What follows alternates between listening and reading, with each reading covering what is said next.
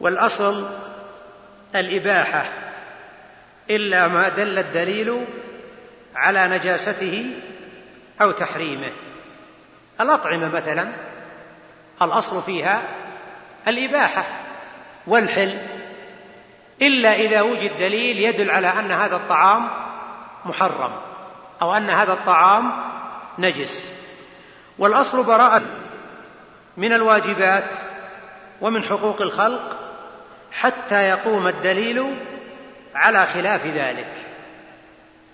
الأصل براءة الذمة وليس الأصل شغل الذمة. ولهذا الذي يدعي شغل الذمة لا بد أن يأتي بدليل. لو يجي إنسان يقول أنا أطلب الرجال هذا ألف ريال إذا يدعي شغل الذمة. يدعي شغل الذمة الآن. هذا على خلاف الأصل. طلبت منه البينة. طلبت منه البينة. لأنه يدعي ما يخالف الأصل. طيب. اللي يقول أنه يطلب ألف ريال لو قال أبدا ما عندي له شيء. عندك بينة؟ قال لا. إيش قال له الآن المدعى عليه؟ يقول اتحلف. فإذا حلف وقال أنا ما عندي والله ما عندي له شيء. خلاص. برئت الذمة الآن. طيب. أيهما أقوى؟ البينة ولا اليمين؟ ترى ما طلعت أنا على الموضوع انتبهوا يعني في نفس الموضوع لكن ما جاء المقصود. ها أيهما أقوى؟ ها البينة أقوى ولا اليمين؟ عجيب. كيف البينة أقوى؟ اليمين حلف بالله تعالى. ها؟ صحيح البينة أقوى. لماذا؟ لأن البينة كلام من ليس بخصم. البينة ما هي كلام المدعي ولا المدعى عليه كلام آخر. لماذا كانت اليمين أضعف؟ لأن كلام أحد الخصمين. طيب لماذا إذا اتضحنا الآن أن البينة أقوى لماذا طلب من المدعي الحجة الأقوى؟ واكتفي من المدعى عليه بالحجة الأضعف. ها؟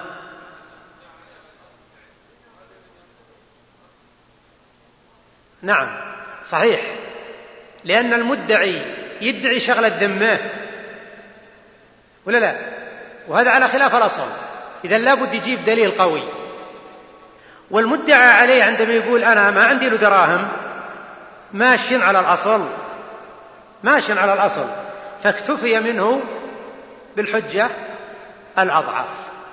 إذا صار الأصل في هذا أن الأصل براءة الذمم حتى يقوم الدليل الشاغل للذمة. طيب قاعدة بعده مرتبة علية شغلت الذمة الآن. قال والأصل بقاء ما اشتغلت به الذمم. من حقوق الله وحقوق عباده حتى يتيقن البراءة والأداء. نعم. الذمة إذا شغلت لا يزول ذلك إلا بيقين. نرجع للقاعدة لا بد من اليقين. if إنسان مثلا حصل عنده شك أنه صلى الظهر ولا ما صلى حصل عنده شك الآن أنه صلى الظهر ولا ما صلى. إذا الآن الذمة الآن مشغولة بصلاة الظهر قبل الأداء. هو تيقن الآن البراءة ولا ما تيقن؟ إذا لا بد من اليقين. إنسان مثلا يطلب شخص مثلا دراهم وعنده إثبات على أنه عنده له دراهم لكن ما عنده إثبات على أنه عطاه الدراهم. وش يصير الأصل؟ يصير الأصل أنها لا زالت الدراهم باقية في الذمة. لأنه إذا ثبت شغل الذمة فالأصل بقاء شغل الذمم حتى يثبت ها حتى تثبت يعني يثبت الأداء وتثبت البراءة. هذه القاعدة. طيب. الفروع كثيرة. لكن هذه القاعدة يا إخوان من أنفع الوسائل في علاج الوساوس أعاذنا الله منها. الوساوس في الطهارة والصلاة بلي بها فئام من الناس. والوسواس داء عضال ومرض خطير. لكن هذه القاعدة بأمر بحول الله تعالى من أنفع الوسائل. إن الإنسان دائما يبني على اليقين لأن أصل الموسوس وساوسه مبنية على شكوك وأوهام. فينبغي له ألا يلتفت إلى هذه الشكوك ولا إلى هذه الأوهام بل يبني على اليقين. ولا نستطيع أن نفصل أكثر من هذا. القاعدة الثانية المشقة تجلب التيسير. دليلها قول الله تعالى يريد الله بكم اليسر ولا يريد بكم العسر. قال وبنوا على هذا جميع رخص السفر والتخفيف في العبادات والمعاملات وغيرها. نعم هذه قاعدة عظيمة. اولا ما المراد بالمشقة؟ المشقة المرادة هنا هي المشقة غير المعتادة التي تخرج عن معتاد الناس.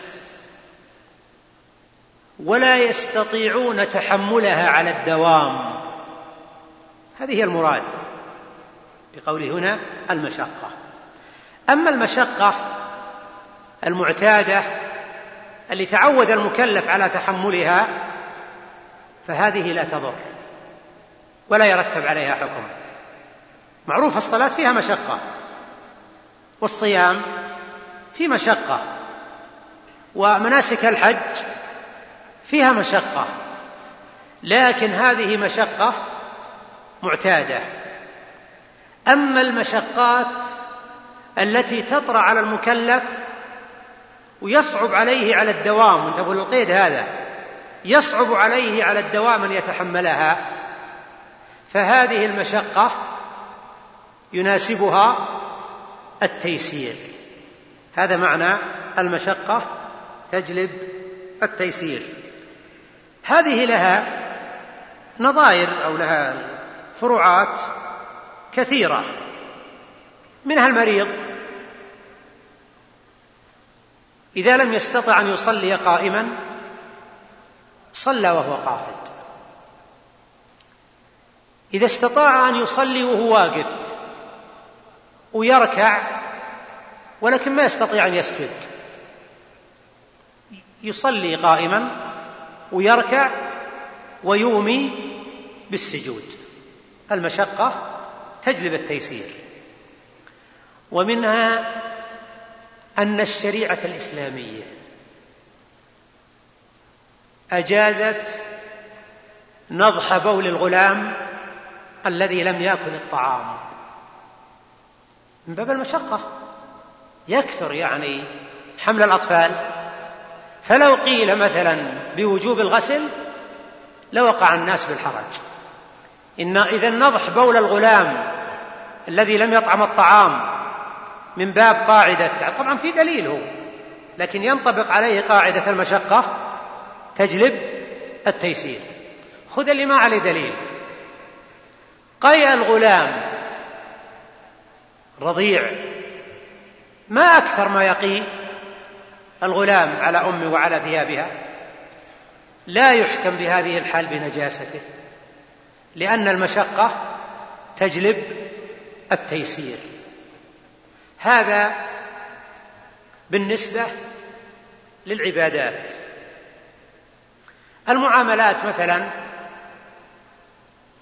كون الدية تحمل كون العاقلة تحمل الدية في قتل الخطأ كون العاقلة تحمل الدية في باب قتل الخطأ. هذا من أي باب؟ هذا من باب المشقة تجلب التيسير لأن القاتل اللي قتل خطأ ما تعمد القتل وقع في مشقة عظيمة. فجلبت له الشريعة السمحة التيسير فصارت الدية على العاقلة. القاعدة الثالثة لا واجب مع العجز ولا محرم مع الضرورة. هذه القاعدة دليلها قول الله تعالى فاتقوا الله ما استطعتم. وقول الله تعالى لا يكلف الله نفسا إلا وسعها. وهذه القاعدة كما تلاحظون مكونة من جزئيتين. الجزئية الأولى لا واجب مع العجز. يعني أن جميع الواجبات تسقط عند العجز عنها. القاعدة الثانية ولا محرم مع الضرورة. فالشارع لم يوجب علينا ما لا نقدر عليه بالكلية. وما أوجبه من الواجبات فعجز عنه العبد سقط عنه. وإذا قدر على بعضه وجب عليه ما يقدر عليه وسقط عنه ما يعجز عنه وأمثلتها كثيرة جدا. وكذلك وكذلك ما احتاج الخلق إليه لم يحرمه عليهم والخبائث التي حرمها إذا اضطر إليها العبد فلا إثم عليه فالضرورات تبيح المحظورات. قاعدة لا واجب مع العجز من أمثلتها صحة صلاة الفذ خلف الصف. إذا لم يستطع الدخول في الصف له أن يقف صفا وتكون صلاته صحيحة. لماذا؟ لأنه لا واجب مع العجز. وإذا كانت شروط الصلاة وأركان الصلاة أركان الصلاة تسقط عند العجز فلا أن تسقط المصافة من باب أولى في الحالة هذه. ولهذا أخرج ابن أبي شيبة المصنف عن الحسن البصري أن المصافة تسقط إذا لم يستطع الدخول في الصف. وهذا رأي شيخ الإسلام ابن تيمية وتبعه على هذا الرأي مؤلف هذه الرسالة رحم الله الجميع. أما قوله وإذا قدر على بعضه وجب عليه ما يقدر عليه وسقط عنه ما يعجز عنه فمن الأمثلة لو أن إنسانا يستطيع أن يقوم مع الإمام الركعتين الأوليين. ولكنه في الركعتين الأخيرتين ما يستطيع القيام. فما الحكم؟ نقول ما قدرت عليه افعل. وما سقط عنه فلا تفعل يسقط عنك. طيب إنسان يستطيع أن يصلي في بيته وهو قائم ولكنه إذا ذهب إلى المسجد لا يستطيع أن يصلي إلا وهو قاعد. نقول له تذهب إلى المسجد لأن الأصل أنك مخاطب بصلاة الجماعة. لأن هل صلاة الجماعة النصوص استثنت اللي ما يقدر يصلي يقف ما استثنته؟ ما استثنته. إذا هذا مخاطب يحضر إلى المسجد فإن قدر على القيام قام وإن لم يقدر على القيام صلى وهو وهو جالس. إذا القاعدة لا واجب مع العجز.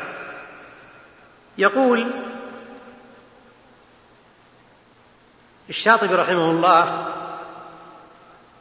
معنى القاعدة المشقة تجلب التيسير وطرف من هذه القاعدة يقول إن الأدلة الدالة على رفع الحرج عن الأمة بلغت مبلغ القطع. إن الأدلة الدالة على رفع الحرج عن الأمة بلغت مبلغ القطع. طيب من تفريع القاعدة الضرورات تبيح المحظورات الراتبة والمحظورات العارضة.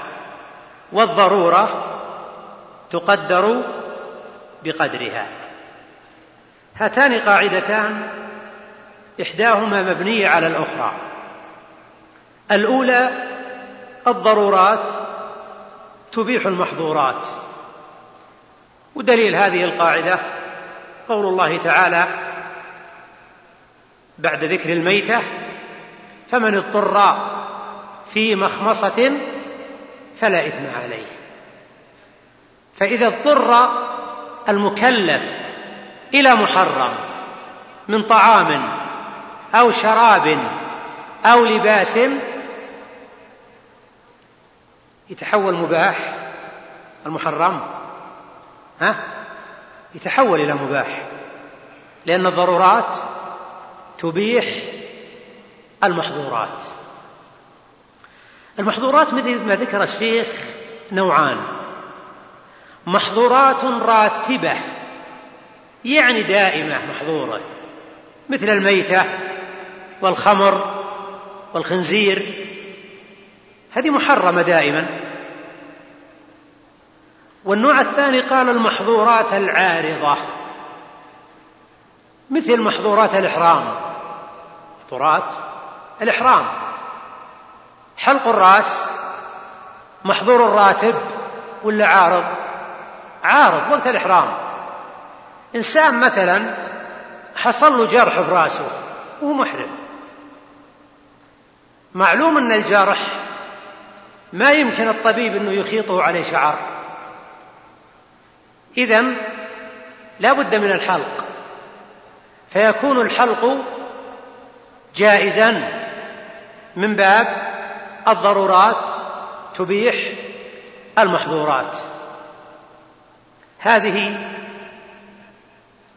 الجزئية الأولى. الجزئية هذه هل الضرورات تبيح المحظورات على الإطلاق؟ خلاص صار المحظور الآن مباحا وانتهى الإشكال.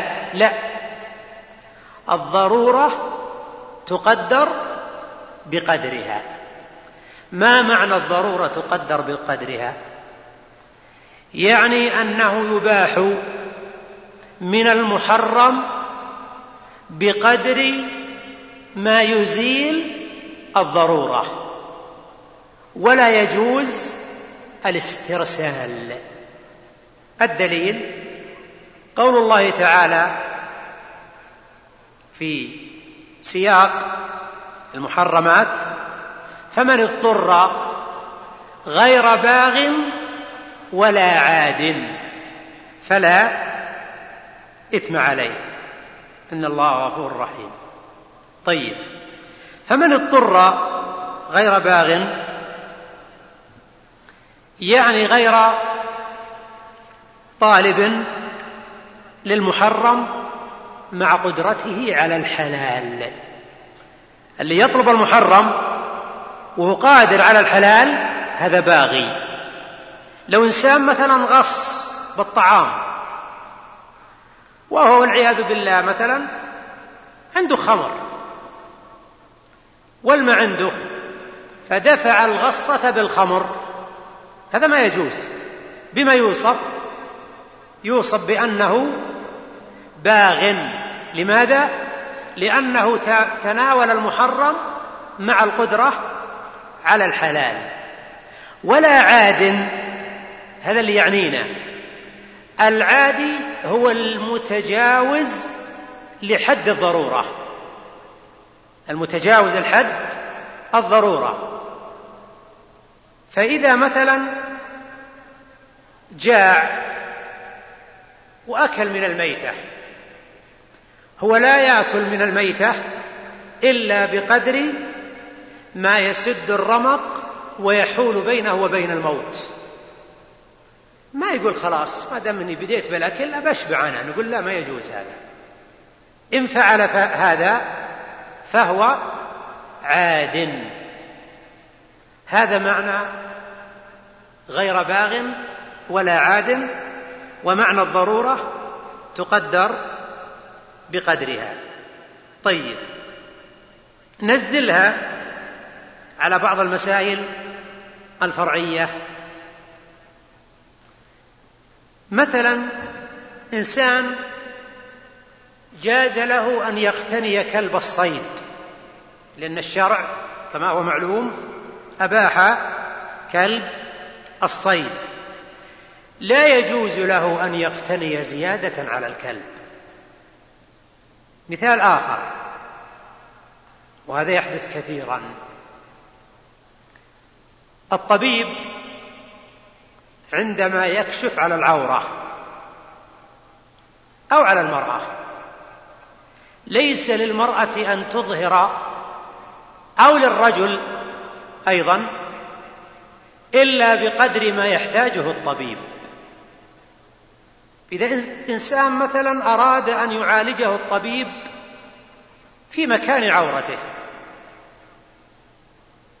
ما يخلع ثيابه نهائيا. خلاص. دعوة الآن تساوت. نقول لا ليس لك أن تبدي من عورتك إلا بقدر ما يحتاج الطبيب. وموضوع المرأة أشد. امرأة تريد أن تعالج طبيب الأسنان تراجع طبيب الأسنان. ليس لها أن تكشف وجهه. إيش حاجة الطبيب بعيونه؟ تضع الغطوة هكذا. على عيونه وأنفه وتظهر الفم اللي يشتغل به الطبيب. وهكذا لو كانت العو... لو كان العلاج برجله. تظهر من الرجل بقدر ما يحتاجه الطبيب. لماذا؟ لأن الضرورة أصلا ما يجوز له ينظر للعورة. لكن وجدت ضرورة. وجدت ضرورة. إذا الضرورات تبيح المحظورات. فإذا أبيحت المحظورات تجي القاعدة التقييدية. التقييدية يعني النقيد وهي أن الضرورة تقدر بقدرها. يقول الشيخ فهذه الضرورات تبيح المحظورات تخفيفا للشر الضرورات تبيح المحرمات من المآكل والمشارب والملابس وغيرها. بقي نقطة ذكرتها لعلي أقوله. هي أن الضرورة تعفي من الإثم ولا تعفي من الضمان. من الضمان. فلو أن إنسانا اضطر إلى أن يأكل طعام غيره يأكل ولا ما يأكله؟ يأكله غصب عليه يأكله ياخذ منه غصب وياكله إذا أشرف على الهلاك. لكن الضمان الضرورات تعفي من الضمان. ما تعفي من الضمان؟ لا بد أن يضمن الطعام لصاحبه. إنما يسلم من الإثم والتعدي. كونه تعدى عليه واخذ منه الطعام وأكله ليس عليه إثم في هذا. لكن يبقى عليه موضوع الضمان. القاعدة الرابعة.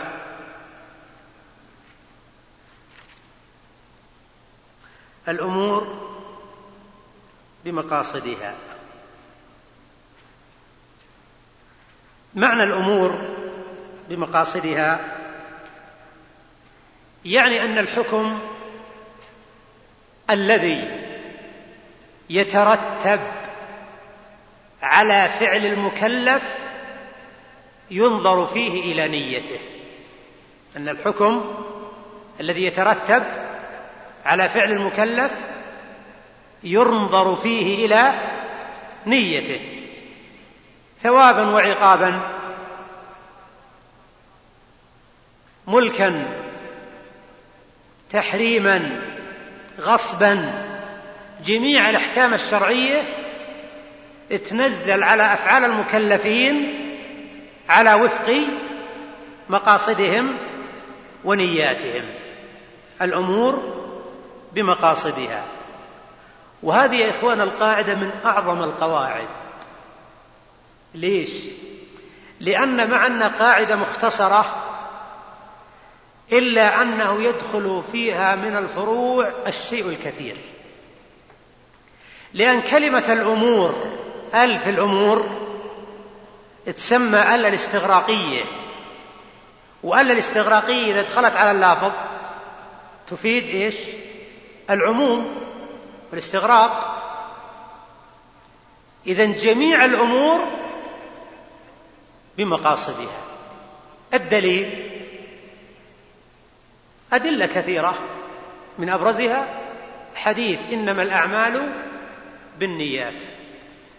ومن الأدلة قول الله تعالى في الرجعة وبعولتهن أحق بردهن في ذلك إن أرادوا إصلاحا. فالله جل وعلا جعل الرجعة للزوج ولكنه مقيد بأن يكون نية من الرجعة الإصلاح. ما يطلقه ويراجعه لأجل أن يعذبها ويطلقها؟ لا هذا لا يجوز.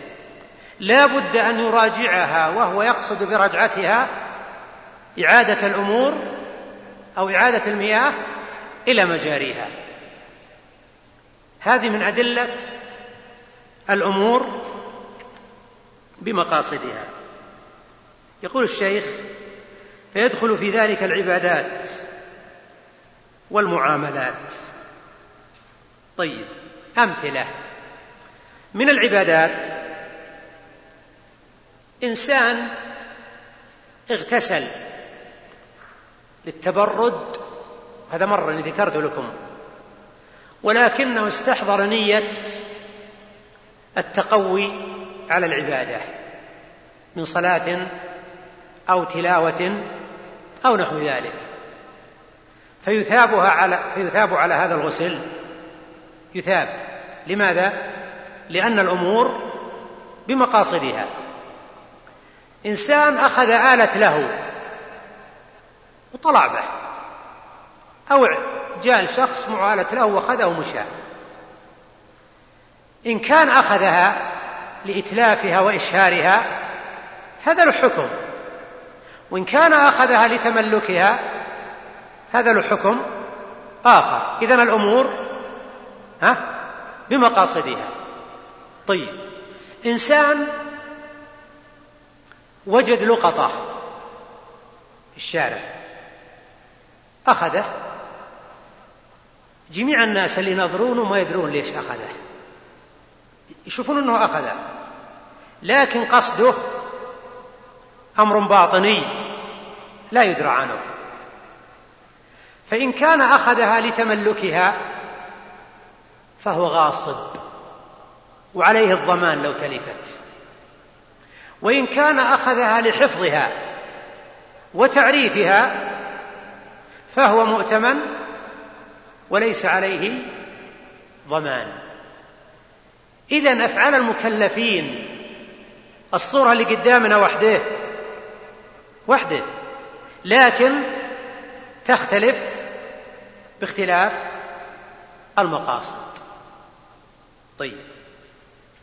يقول وتحريم الحيل المحرمة ماخوذه من هذا الأصل. ليش تدخل الحيل هنا؟ لكن قال لك لأن الحيله أصله ظاهرة لا غبار عليه. الحين الحيل اللي هي من, من أصله مفضوحة. هي تسمى حيلة ها؟ الحيلة إذا كانت من الأصل مكشوفة ما تسمى حيلة.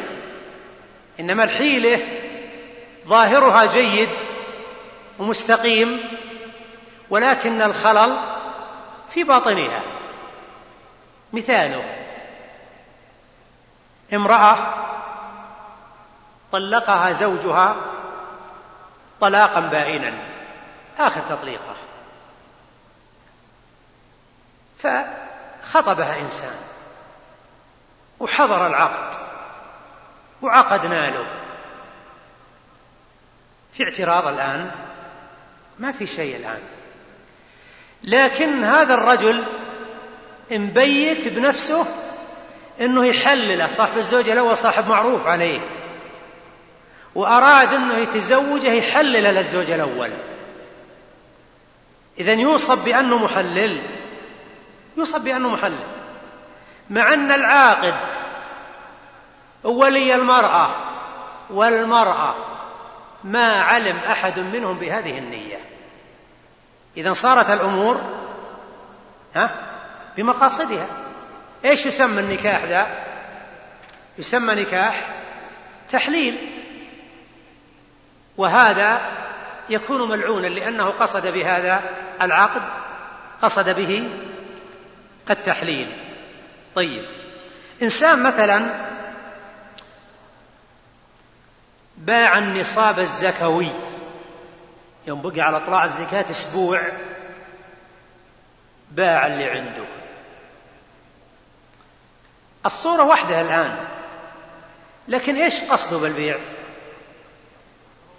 إن كان قصده الهروب من الزكاة هذا أمر وإن كان لا ما قصد ولكنه يتعاطى التجارة وهو ممن يعلم الله أنه كل سنة أحرص ما يكون على أداء الزكاة. ولكن بضاعة أو شيء مثلا رزق به ها وباع يعني مثلا تخلص منه بأي طريق من طرق التخلص ليس عليه زكاة في الحالة هذه. إنسان مثلا أقر قال إشهدوا أن الرجال هذا عندي له مئة ألف مئة ألف وكل القروش اللي وراه مئة ألف الصورة واحدة الآن. ربما أنه صادق فعلا أنه مطلوب مئة ألف وعلى هذا الورثة.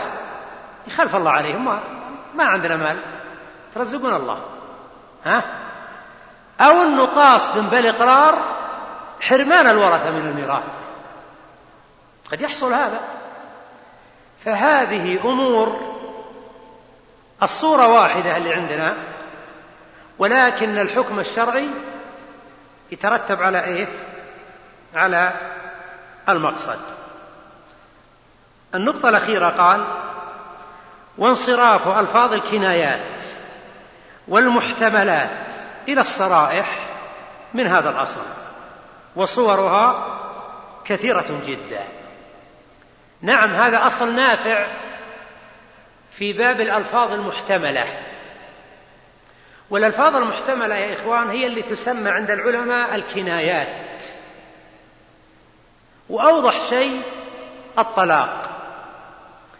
اعلم أن الألفاظ نوعان. ألفاظ صريحة لا تحتاج إلى نية. ما تحتاج إلى نية.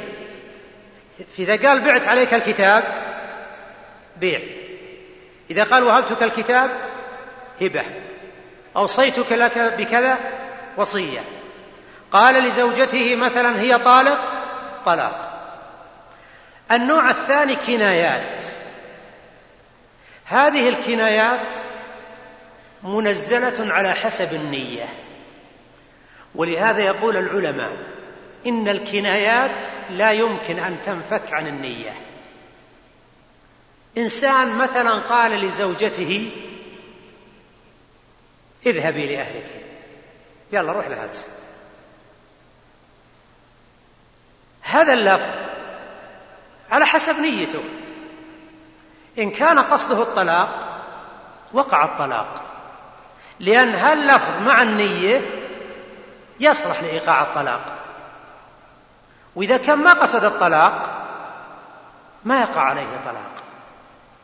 لأن الأمور بمقاصدها.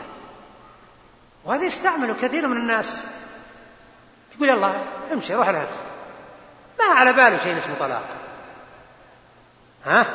لو كان طلاق على طول ما في مرض عند رجله. كل الحريم عنده أهل الراحة. خلاص. لأنه يكثر اللفظ هذا وما ماذا له. إذا الأمور بمقاصدها. والظاهر أن الوقت انتهى. وما أخذنا إلا أربع قواعد. البقية تحتاج إلى وقت. وأنا ما بيني وبينكم إلا غدا الخميس. ها العصر؟ ما أدري العصر. لأن العصر قريب من الليل. ما أدري الجمعة. يعني الضحى غدا أنتم ما تستطيعون؟ ها؟ ها؟ العصر. لا وين السبت لا لا هو يمكن العصر. غدا إن شاء الله العصر.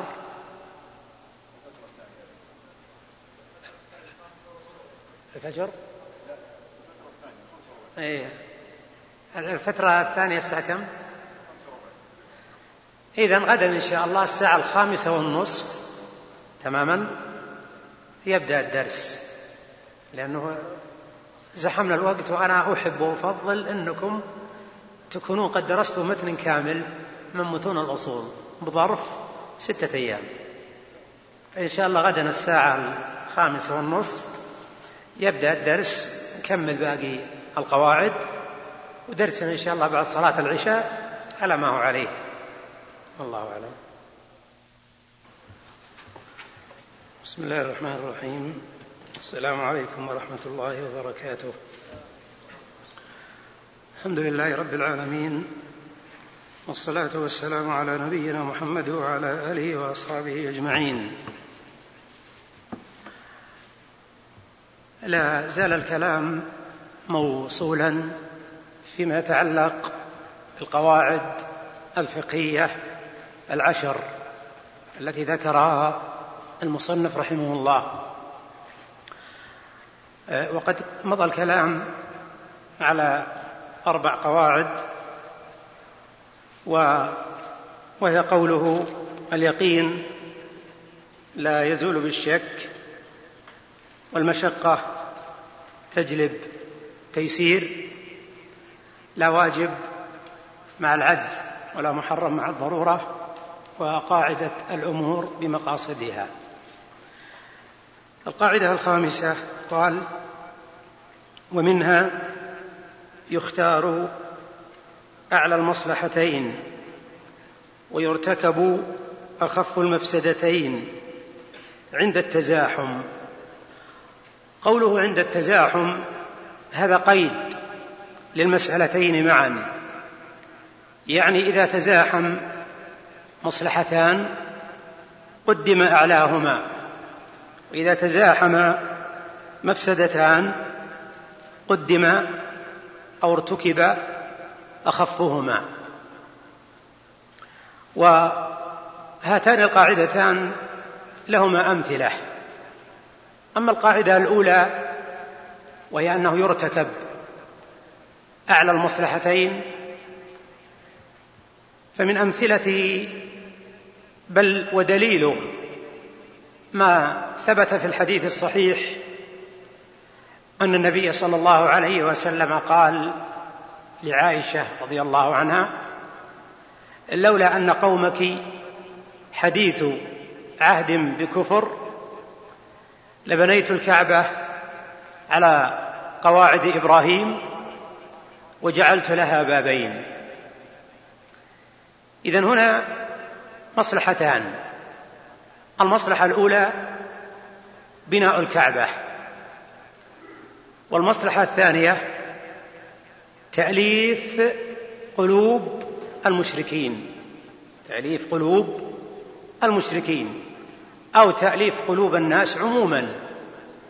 فالرسول صلى الله عليه وسلم رجح تأليف القلوب هذه مصلحة على مصلحة بناء الكعبة على مصلحة بناء الكعبة. ومن الأمثلة أنه لو اجتمع نفقة واجبة. نفقة واجبة. ونفقة مستحبة. والنفقة المستحبة يعني صدقة مثلا صدقة تطوع. قدمت النفقة الواجبة لأنها أعلى من النفقة المستحبة. الشق الثاني من القاعدة يرتكب أخف المفسدتين عند التزاحم. لو أن إنسانا اضطر إلى طعام فوجد ميتة وصيدا محرما. وجد ميتة وصيدا محرما. فإنه في هذه الحال كلاهما مفسدة ولكن مفسدة الصيد المحرم أخف من مفسدة الميتة للمقارنة بينهما. مثال آخر. لو اضطر إنسان إلى وطئ إحدى زوجتيه. إنسان لا مناص من أن يطأ ويجامع. وعنده زوجتان. واحدة حائض والثانية صائمة. واحدة حائض والثانية صائمة. فإنه يطأ الصائمة. لأن وطأ الصائمة أخف من وطئ الحائض. لأن الفطر يجوز لحق الغير مثل فطر الحامل. نعم والمرضع. مثال أيضا لو أن رجلا لم يجد من السترة إلا ما يستر بعض العورة. فدار الأمر الأمر بين أن يرتكب مفسدة من مفسدتين إما أن يصلي جالسا ويستر باقي عورته بالجلوس. وإما أن يصلي قائما وتظهر بقية العورة. فصلاته وهو جالس مع القدرة مفسدة.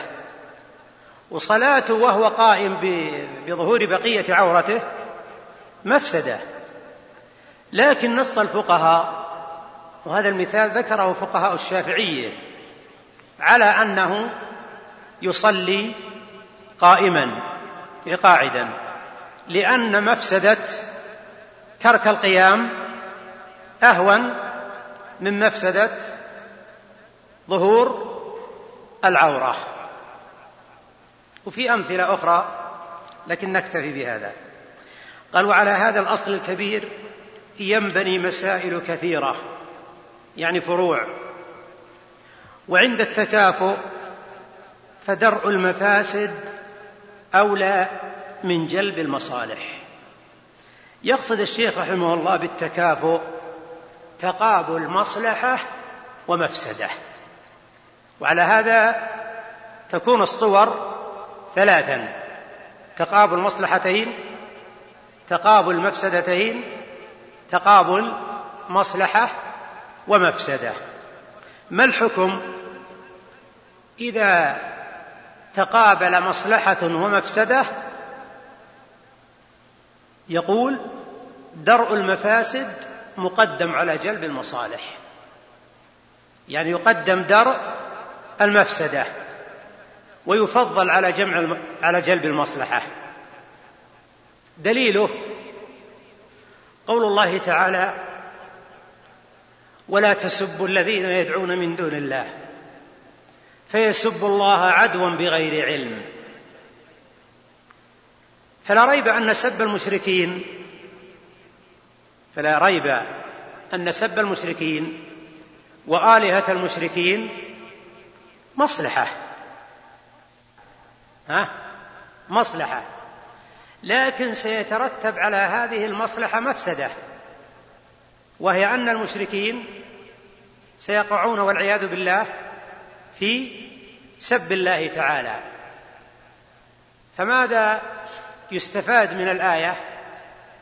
أن درء المفسدة مقدم على جلب المصلحة.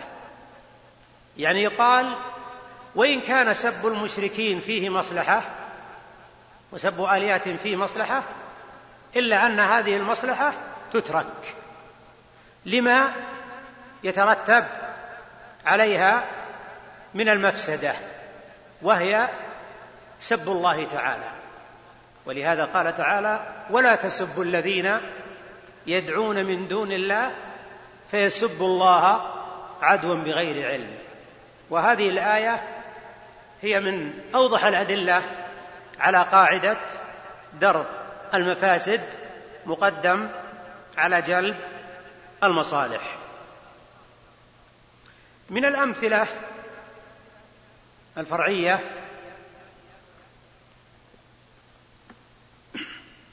أن الجار يمنع من التصرف في ملكه يعني في بيته إذا أدى تصرفه إلى الإضرار بجاره.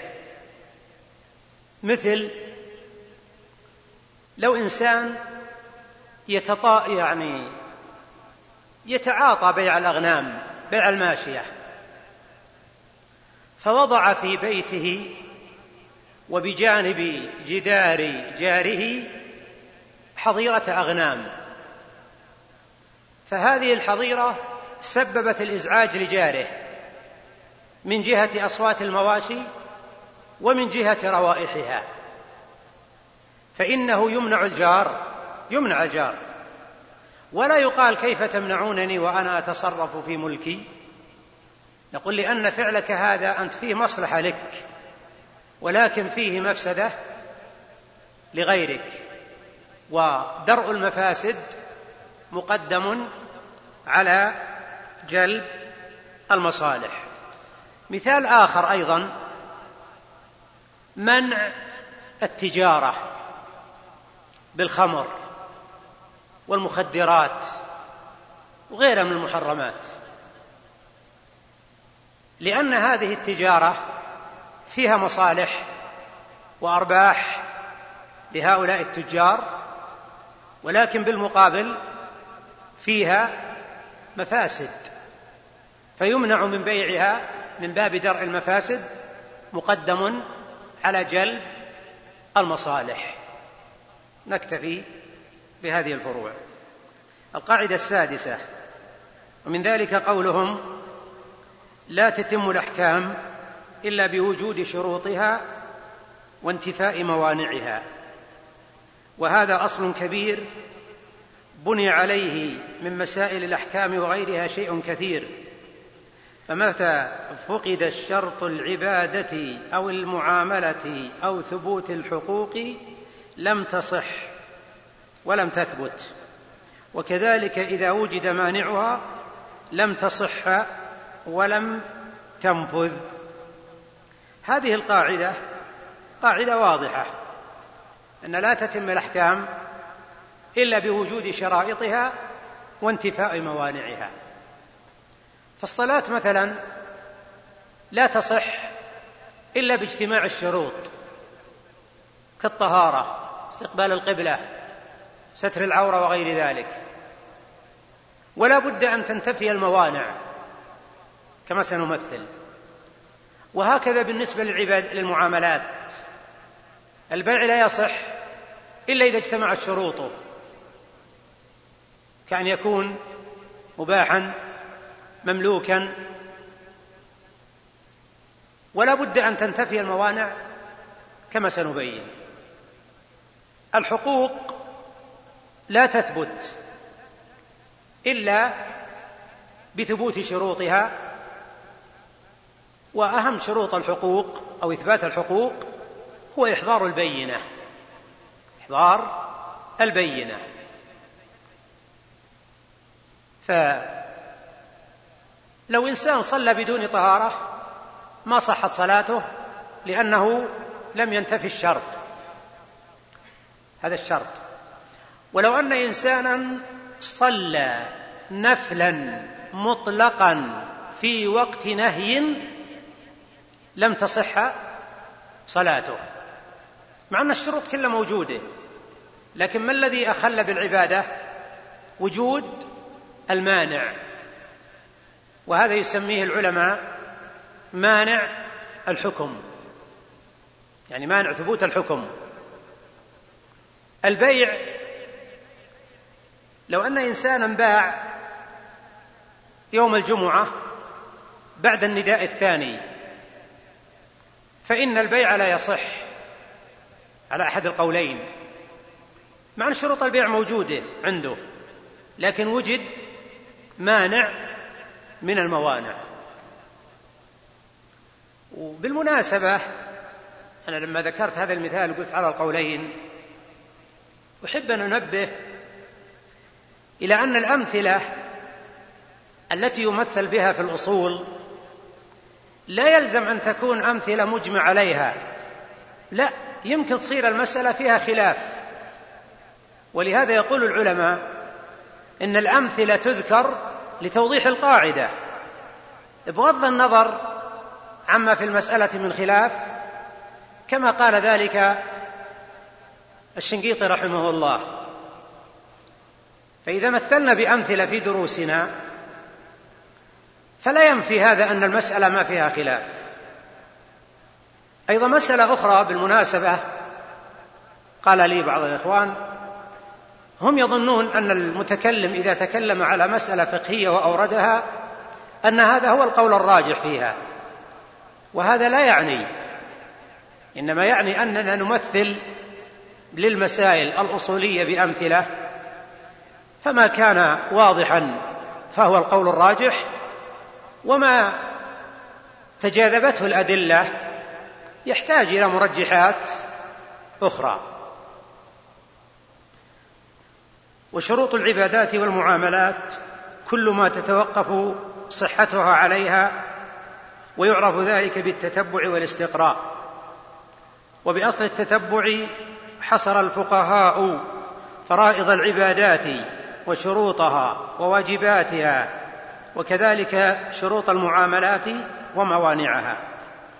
والحصر إثبات الحكم في المذكور ونفيه عما عداه. فيستفاد انتبه الكلمة فيستفاد إن تفسير لقوله والحصر. انتبهوا على أساس يتضح لكم.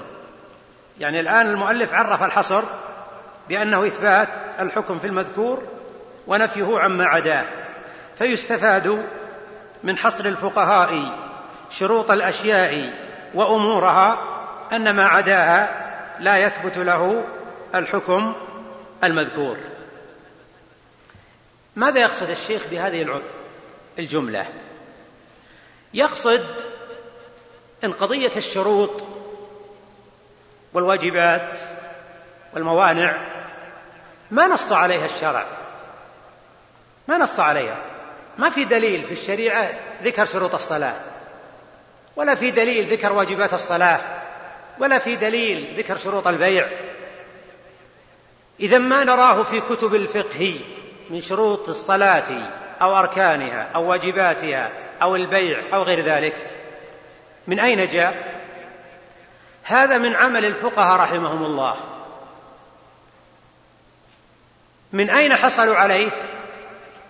كما قال الشيخ بواسطة التتبع والاستقراء. فجمعوا الأدلة وأخذوا منها الشروط مثلا. يعني نظروا إلى قول الرسول صلى الله عليه وسلم لا صلاة إلا بطهور. قالوا الشرط الأول من شروط الصلاة الطهارة. ولا يقول قائل إن هذا شيء محدث. لم يكن موجودا على وقت التشريع أو على وقت الرسول صلى الله عليه وسلم فلا يعبأ به. نقول لا هذا فيه مصالح عظيمة. تحديد الشروط والأركان واجبات هذا فيه مصلحة ضبط المعلومات وتقريبا للأفهام. ولهذا تجد الآن إذا ذكرت شروط الصلاة سهل استيعابها. لكن لو كان الإنسان سيقرأ الأدلة ويأخذ منها شروط الصلاة سيأخذ من هذا كلفة ووقت يأخذ من هذا جهدا ووقتا.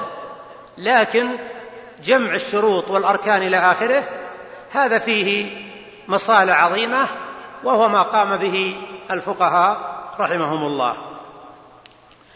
وكأن الشيخ بهذا يعني يبدو لي أن الشيخ يقصد يقول يعني أنا إذا قلت لكم إن العبادة أو المعاملة لا تتم إلا باجتماع شروطها وانتفاء موانعها فليس عليكم صعوبة في المسألة لأن الشروط والواجبات والأركان والموانع كلها إيه؟ محددة ومحصورة ومدونة. القاعدة السابعة ومن ذلك قولهم الحكم يدور مع علته ثبوتا وعدما. العلة هي التي يذكرها الأصوليون في باب القياس. العلة هي الوصف الظاهر المنضبط الذي بني عليه الحكم الشرعي. هذا معنى العلة في باب القياس. هي الوصف الظاهر المنضبط الذي بني عليه الحكم. طيب هل العلة هي الحكمة؟ لا العلة غير الحكمة. الحكمة هي المصلحة التي قصد الشارع تحقيقها من شرعية الحكم. يعني الشارع عندما شرع الأحكام قصد تحقيق مصالح كل واحدة من هذه المصالح يطلق عليها الحكمة. إذا صار هناك فرق بين الحكمة و والعلة. ما الفرق؟ ها؟ ما الفرق بين الحكمة والعلة؟ يعني الوصف الذي بني عليه الحكم. ها؟ هذه إيش؟ هذه الحكمة. أقول هذه الحكمة. طيب. طيب عندنا الآن السفر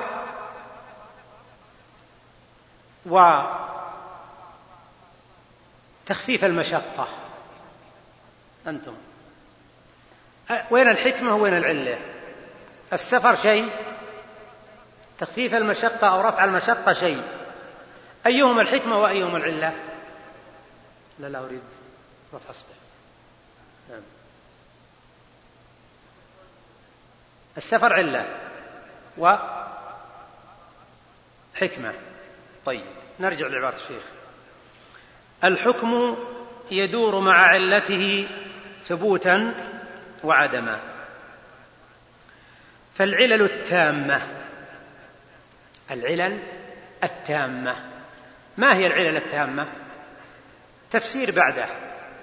التي يعلم أن الشارع رتب عليها الأحكام. هذه تسمى علة تامة. أي وصف يغلب على ظننا إن الشرع يرتب عليه حكم يسمى علة تامة. مثلا الإسكار حرم الخمر من أجل الإسكار هذه علة. محافظة على العقول إيش؟ حكمة. طيب. اذا الإسكار علة تامة. ها؟ نعم. لأنه يغلب على الظن أن الشرع ما حرم الخمر إلا لكونه مسكرة بل وقد لا نقول يغلب على الظن لأن الرسول صلى الله عليه وسلم قال كل مسكر خمر وكل خمر حرام. ومثل ما مر علينا الليلة التي مضت تعليل طهارة الهرة بكثرة تطوافها. هذه علة تامة. لكن في علل يغلب على الظن إن الشارع ما يرتب عليها أحكام. مثل السواد والبياض والطول والقصر. ما عرف إن الشرع يرتب عليها أحكام. ولهذا ما يصح أن يقول تقطع يد السارق لأنه طويل القامة. مثلا ما يصلح. لأنه عرف أن الشرع باستقراء العلل أن الشرع ما يلتفت لهذه الأوصاف. وعلى هذا كزيادة فائدة الوصف اللي ما يرتب الشارع عليه حكم يسميه الأصوليون الوصف الطردي. الوصف الطردي كالسواد والبياض.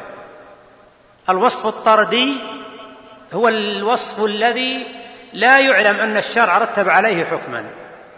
هذا يسمى وصف ها طردي. ها عيد ماذا؟ ها الوصف الطردي بالطاء والراء والدال والياء هو الذي هو الوصف الذي لا يعرف أن الشرع رتب عليه حكمة آه، حكما. أما الوصف الذي يرتب الشرع عليه الحكم يسمونه الوصف المناسب. الوصف المناسب. طيب يقول فالعلل التامة التي يعلم أن الشارع رتب عليها الأحكام متى وجدت؟ وجد الحكم ومتى فقدت؟ لم يثبت الحكم. هذا معنى القاعدة. الحكم يدور مع العلة وجودا وعدما.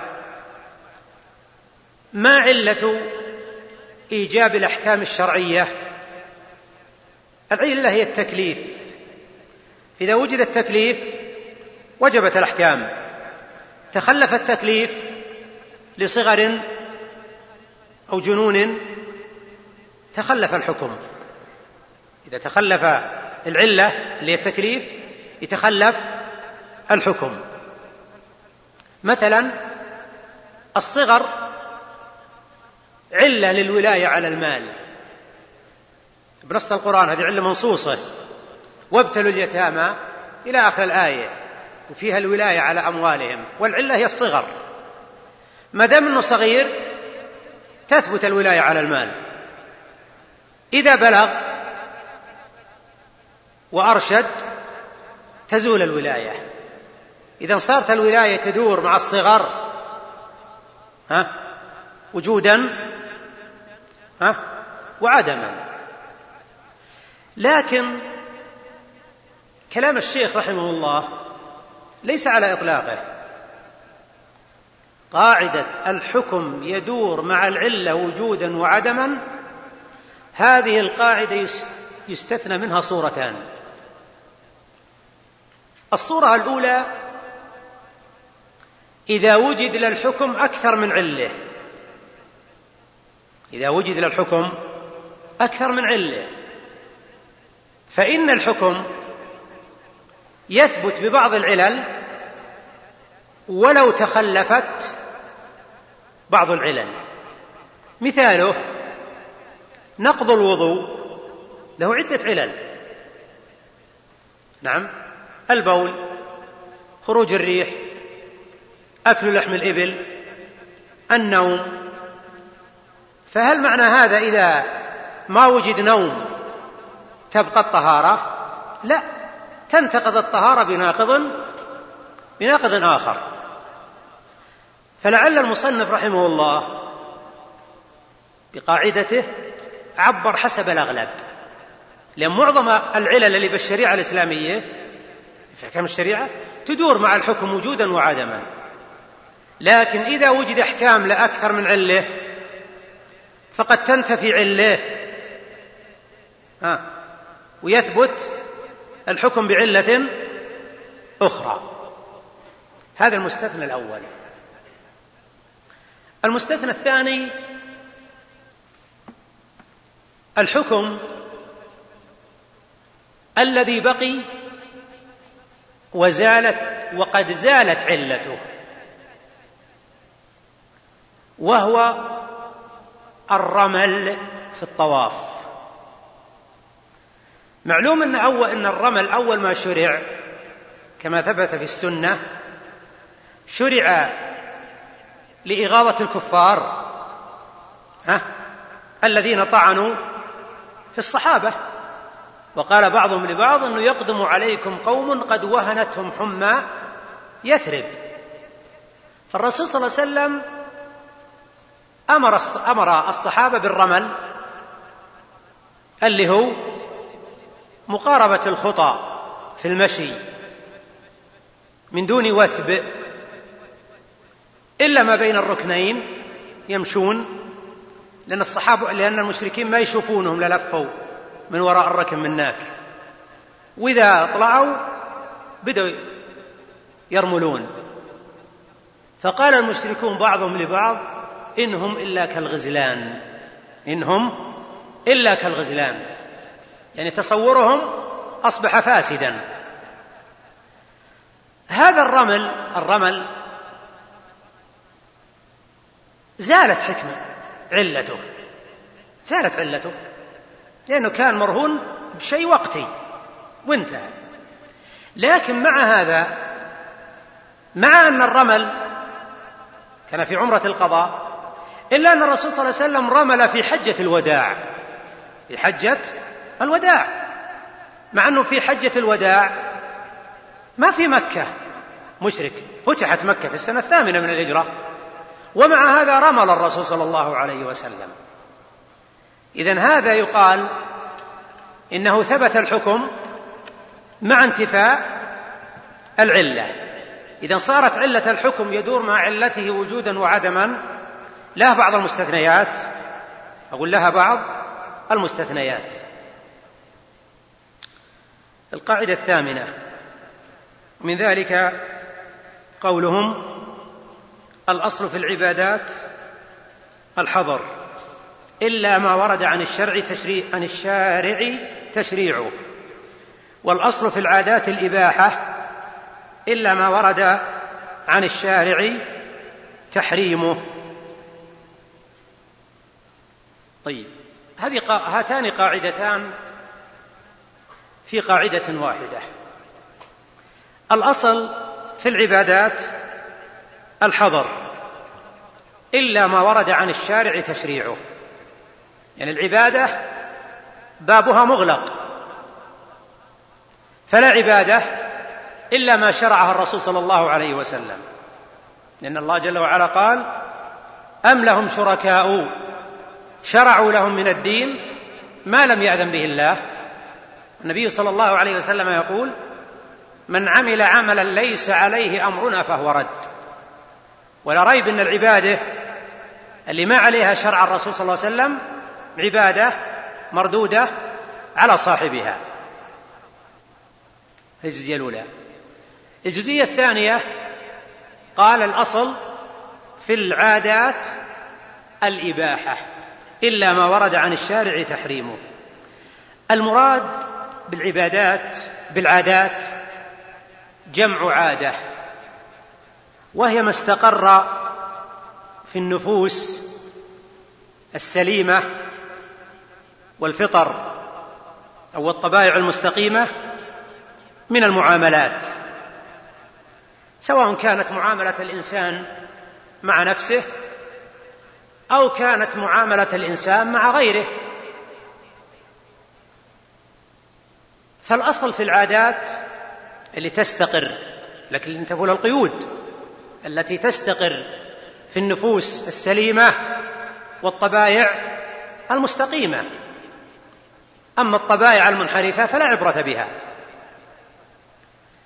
فما عليه الناس من عادات في أكلهم وشربهم ونومهم ومجالسهم واستقبالهم لضيوفهم ومراكبهم وما إلى ذلك كل ما استقر عليه الناس من عادة فالأصل في هذه العادات الاباحه وإذا قلنا الأصل الاباحه ما يجي واحد يطالبنا بالدليل. ما يطالبنا بالدليل. إذا كانت عادة الناس مثلا في بلد ما أنهم يستقبلون الضيف على طريقة ويقدمون له طعام بطريقة وبلد آخر يستقبلونه بطريقة مثلا يقدمون له الطعام بطريقة. ما يقال لا لهؤلاء ولا لهؤلاء. أين الدليل على ما تعملون؟ ليش؟ لأن الأصل في العادات ها؟ الإباحة. طيب إيش الدليل؟ الدليل ما ثبت في صحيح مسلم. أن النبي صلى الله عليه وسلم قال أنتم أعلم بأمور دنياكم. أنتم أعلم بأمور دنياكم. قاله الرسول صلى الله عليه وسلم في موضوع تأبير النخل. لما قال لهم التلقيح هذا ما, ما يلزم. أنه يوضع في النخلة الأنثى شيء من طلع الذكر. فبحكمة الله تعالى لابد يوضع فيه. شيء صنخ صار, كله شيص فقال الرسول صلى الله عليه وسلم أنتم أعلم بأمور دنياكم. إذا هذه قاعدة تدل على أن ما عليه الناس في أمور دنياهم أن الأصل فيه الإباحة.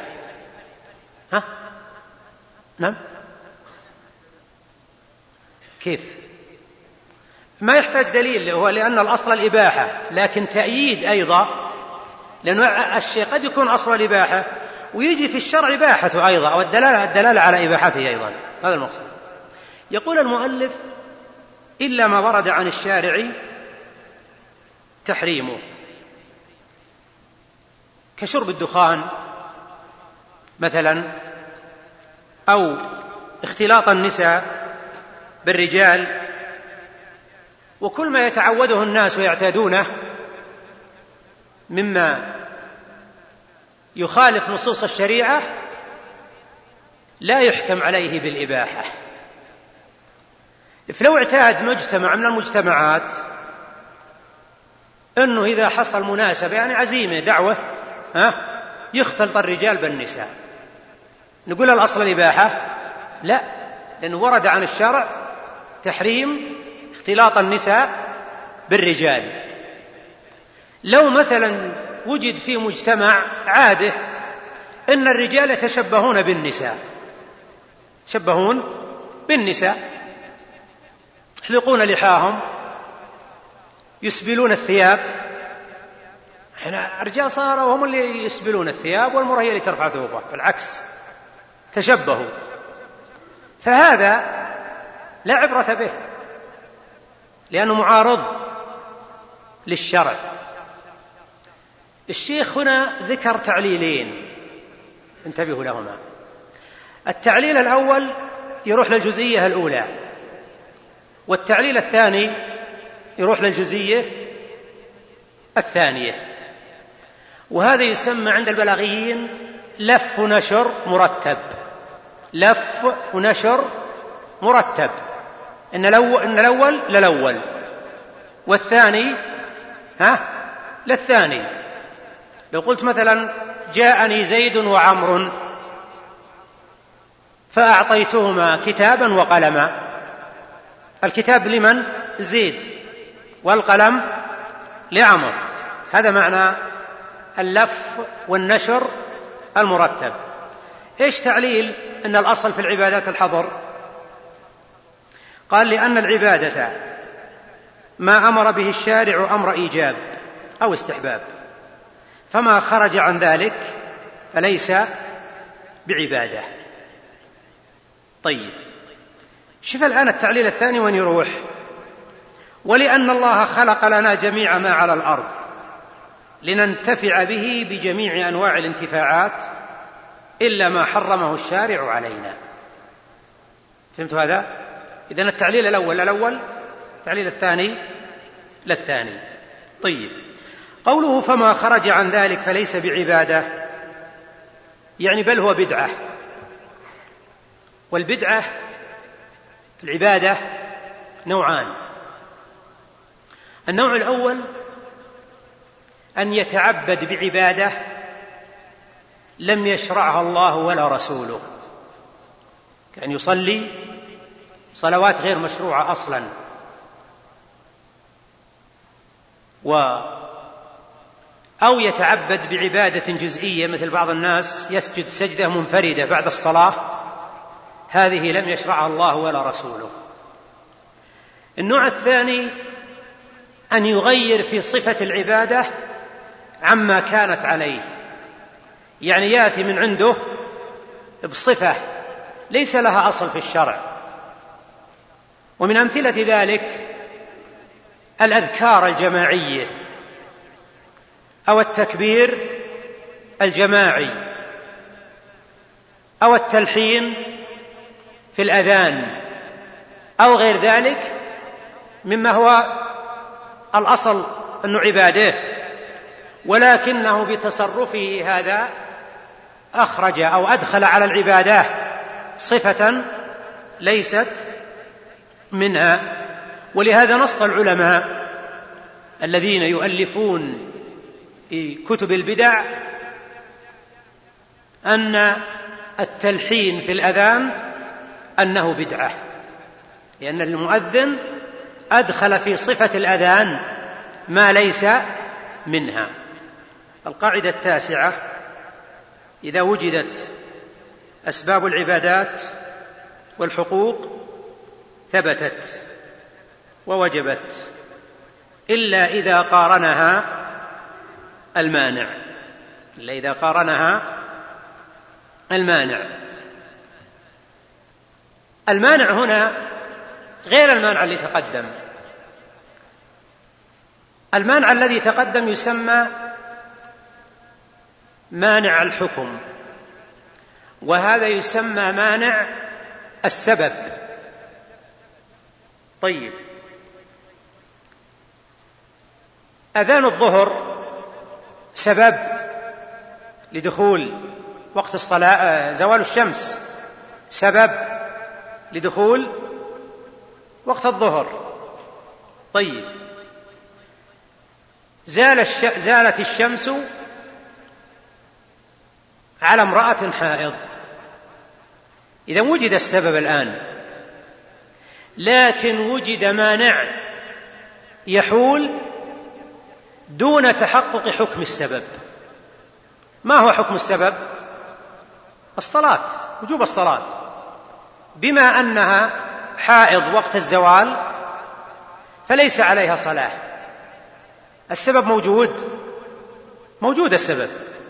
لكن وجد ما يمنع من تحقق حكم هذا السبب وهو وجوب الصلاة. ولهذا إذا حاضت المرأة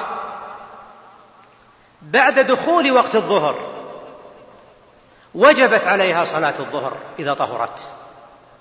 لماذا؟ لأن المانع ما وجد قبل السبب وجد بعد السبب. إذا متى يؤثر المانع؟ إذا حال بين وقوع حكم السبب. إذا حال بين وقوع حكم السبب. يتخلف الآن السبب ويصير السبب وجوده وعدمه سواء طيب ملك النصاب بالنسبة للزكاة. سبب الوجوب الزكاة. من ملك نصابا زكويا وجبت عليه الزكاة. لكن إذا كان على الإنسان دين فإن السبب لا يؤدي حكمته. ما هي الحكمة؟ من إيجاب الزكاة سد حاجة الفقير. يعني من الحكم؟ ولا في حكمة للغني وفي حكمة للفقير. لكن من الحكم سد حاجة الفقير. فإذا كان صاحب النصاب الزكوي مدينا. أيهما أولى بالمواساة؟ هل مدين ولا الفقير؟ المدين أولى. وهذا على القول بأن الدين مانع من وجوب الزكاة. فبهذا نقول إن الأسباب لا تترتب عليها أحكامها إذا وجد ما يمنع من تحقق حكمة السبب. خذ مثلا القرابة. سبب من أسباب الإرث. من أسباب الإرث. فإذا قتل الأخ أخاه منع من الميراث. لماذا؟ لأن القرابة تعني المناصرة والمعاونة والمعاضدة والمحبة تناسب التوارث. لكن القتل يعني البغضة والعداوة تناسب أنه ما يرث. إذا انفعها السبب ولا منفعه ها؟ منفعها السبب. قرابته منفعته. ها؟ لأنه وجد مانع. هذا معنى قوله إذا وجدت أسباب العبادات والحقوق يعني كالإرث سببه القرابة ثبتت ووجبت إلا إذا قارنها المانع. القاعدة العاشرة. الواجبات تلزم المكلفين والتكليف يكون بالبلوغ والعقل والإتلافات تجب على المكلفين وغيرهم. هذه القاعدة واضحة. دل عليها قول النبي صلى الله عليه وسلم رفع القلم عن ثلاثة عن المجنون حتى يفيق وعن الصبي حتى يحتلم وعن النائم حتى يستيقظ. فالواجبات إنما تجب على المكلفين والتكليف ضابطه أمران الأول البلوغ والثاني العقل والبلوغ يحصل بالاحتلام بالإجماع كما نقله ابن بطال وغيره أن من احتلم من الرجال أو النساء فقد بلغ. وتزيد المرأة على الرجل بالحيض. أما البلوغ ببلوغ خمس عشرة سنة فهذا أو بالإنبات فهذان موضع خلاف بين أهل العلم. موضع خلاف بين أهل العلم. من أهل العلم من يقول لا بلوغ إلا بالاحتلام للرجل. أو الاحتلام أو الحيض بالنسبة للمرأة. وما عدا هذا فليس فيه دليل يدل على انه علامة على البلوغ. وهذا القول فيه وجاهة. ويرى آخرون من أهل العلم إن البلوغ قد يكون بالسن والخلاف بالسن طويل يبدأ من من خمس عشرة إلى تسعة عشرة. وبعضهم يقول البلوغ يكون بالإنبات يعني بإنبات الشعر الخشن حول العانة. وعلى أي حال التفاصيل هذه لا تعنينا معشر الأصوليين. إنما الذي يعنينا أن التكليف لا بد فيه من البلوغ. غير البالغ الصغير. الصغير إما أن يكون مميزا أو غير مميز. أما غير المميز فلا تكليف عليه بالإجماع. وأما المميز بعض يعني مكلف لكن ما هو مكلف تكليف إيجاب. إنما يؤمر بالصلاة ليعتادها وينشأ على حبها وينهى عن يبعد عن المعصية ليكف عنها وينشأ على بغضها.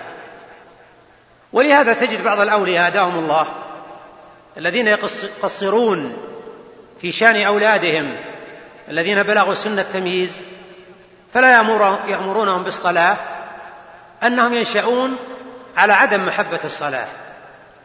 وهذا في جانب الإناث أكثر. كثير من الأولياء يفرط في بناته أن البنت التي دخلت المدرسة وبدأت تقرأ الفاتحة وقصار السور وعرفت صفة الوضوء خلاص هذه ما دام أنها بلغت سبع سنوات فإنها تؤمر بالصلاة لأن العلماء ذكروا أن الأمر للبنات داخل في ضمن الحديث مروا أبناءكم بالصلاة وهم أبناء سبع. أما بالنسبة إلى العقل فضده الجنون فالمجنون ليس مكلف بالإجماع بل ولو فعل المجنون العبادة فإنها لا تصح منه لعدم قصد الامتثال لأنه لابد في العبادة من الامتثال. فمتى كان الإنسان بالغا عاقلا وجبت عليه العبادات التي وجوبها عام ووجبت عليه العبادات الخاصة إذا اتصف بصفات من وجبت عليهم بأسبابها. العبادات اللي وجوبها عام مثل الصلاة. كل من كلف وجبت عليه الصلاة. الصيام كل من كلف وجب عليه الصيام. أما العبادات الخاصة مثل الزكاة هذه عبادة خاصة لأن مربوطة بملك النصاب. ها؟ أقول مربوطة بملك النصاب. الكفارة مثلا ها؟ أداء الكفارة يعتبر عبادة. عبادة مربوط بوجود سبب الكفارة. النفقة مثلا واجبة لكن لا تجب النفقة إلا إذا وجد سبب الإنفاق. والناس والجاهل غير مؤاخذين من جهة الإثم لا من جهة الضمان في المتلفات. طيب إذا الآن بقي نقطة أخيرة في الموضوع وهي أن موضوع الأحكام الأحكام نوعان. أحكام تكليفية هذه لا تجب إلا على المكلفين البالغين العاقلين. أما الأحكام الوضعية مثل وجوب الضمان مثلا فيما إذا أتلف الإنسان شيئا. فالضمان يجب مطلقا على أي متلف سواء كان المتلف بالغا أو غير بالغ وسواء كان عاقلا أو غير عاقل وسواء كان ناسيا أو غير ناس وسواء كان جاهلا أو غير جاهل. موضوع ضمان المتلفات هذا يتساوى فيه جميع الناس حتى البهيمة. إذا أتلفت شيئا وجب على صاحبها الضمان. طيب لماذا؟ لماذا يجب الضمان؟ ألا يناقض هذا قاعدة أنه لا تكليف إلا على بالغ عاقل؟ والجواب على هذا أنه ما في مناقضة لأن إيجاب الضمان في المتلفات ليس من باب الأحكام التكليفية إنما هو كما قلت لكم من باب الأحكام الوضعية. يعني من باب ربط الأحكام بأسبابها. فحيثما وجد السبب وجد الحكم. وجد وجد الإتلاف. وجد الإتلاف وجب الضمان. لماذا؟ رعاية لمصالح العباد وتحقيقا للعدل بينهم. أرأيتم لو أن الناس ما يضمن؟ أو الجاهل ما يضمن أو الصبي ما يضمن. ماذا يكون حال الناس؟ ها؟ يضطرب الأمر. كل واحد بينه وبين إنسان عداوة يتلف ماله يقول الله ما دريت أنه لك. أو يرسل صبيه لأن الصبي خلاص ما عليه شيء. يقول اذهب إلى مال فلان وأتلفه. لكن هذه الشريعة الحكيمة العادلة موضوع الإتلافات يجب فيه الضمان مطلقا. ينظر إلى السبب. يا إخوان ينظر إلى السبب. ولا ينظر إلى المتلف. ولا ينظر إلى المتلف. يدلك على هذا كما قلت حتى ولو كان المتلف بهيمة وجب على صاحبها الضمان. فإذا كان يجب الضمان في حق إتلاف في إتلاف البهيمة فلا أن يجب في إتلاف الصبي الناسي الجاهل من باب أولى.